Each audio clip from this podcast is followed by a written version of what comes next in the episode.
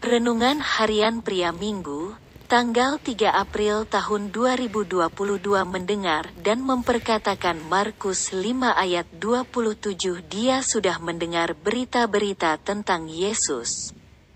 Maka di tengah-tengah orang banyak itu ia mendekati Yesus dari belakang dan menjamah jubahnya.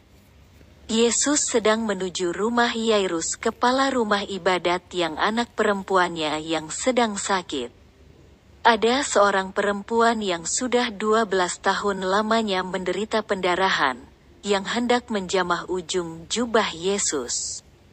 Perempuan itu sudah pergi berobat ke berbagai tabib, sampai uangnya habis. Tapi tidak sembuh juga, walaupun banyak tantangan yang dia hadapi.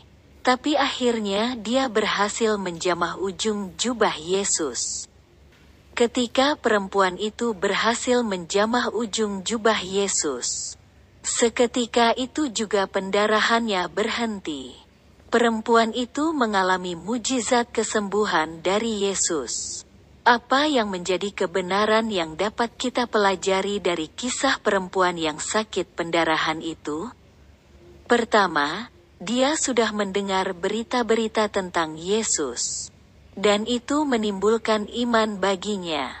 Karena iman timbul dari pendengaran oleh firman Kristus. Kedua, perempuan itu terus memperkuat imannya itu dengan memperkatakan imannya itu. Sebab katanya, asal kujamah saja jubahnya. Aku akan sembuh. Markus 5 ayat 28 jadi kita harus banyak mendengar berita-berita tentang Yesus. Dan kedua, kita harus memperkatakan perkataan-perkataan iman. Jadi bacalah, dengarkanlah firman Tuhan setiap hari dan perkatakanlah firman Tuhan itu. Refleksi diri, apa yang firman Tuhan katakan kepada Anda?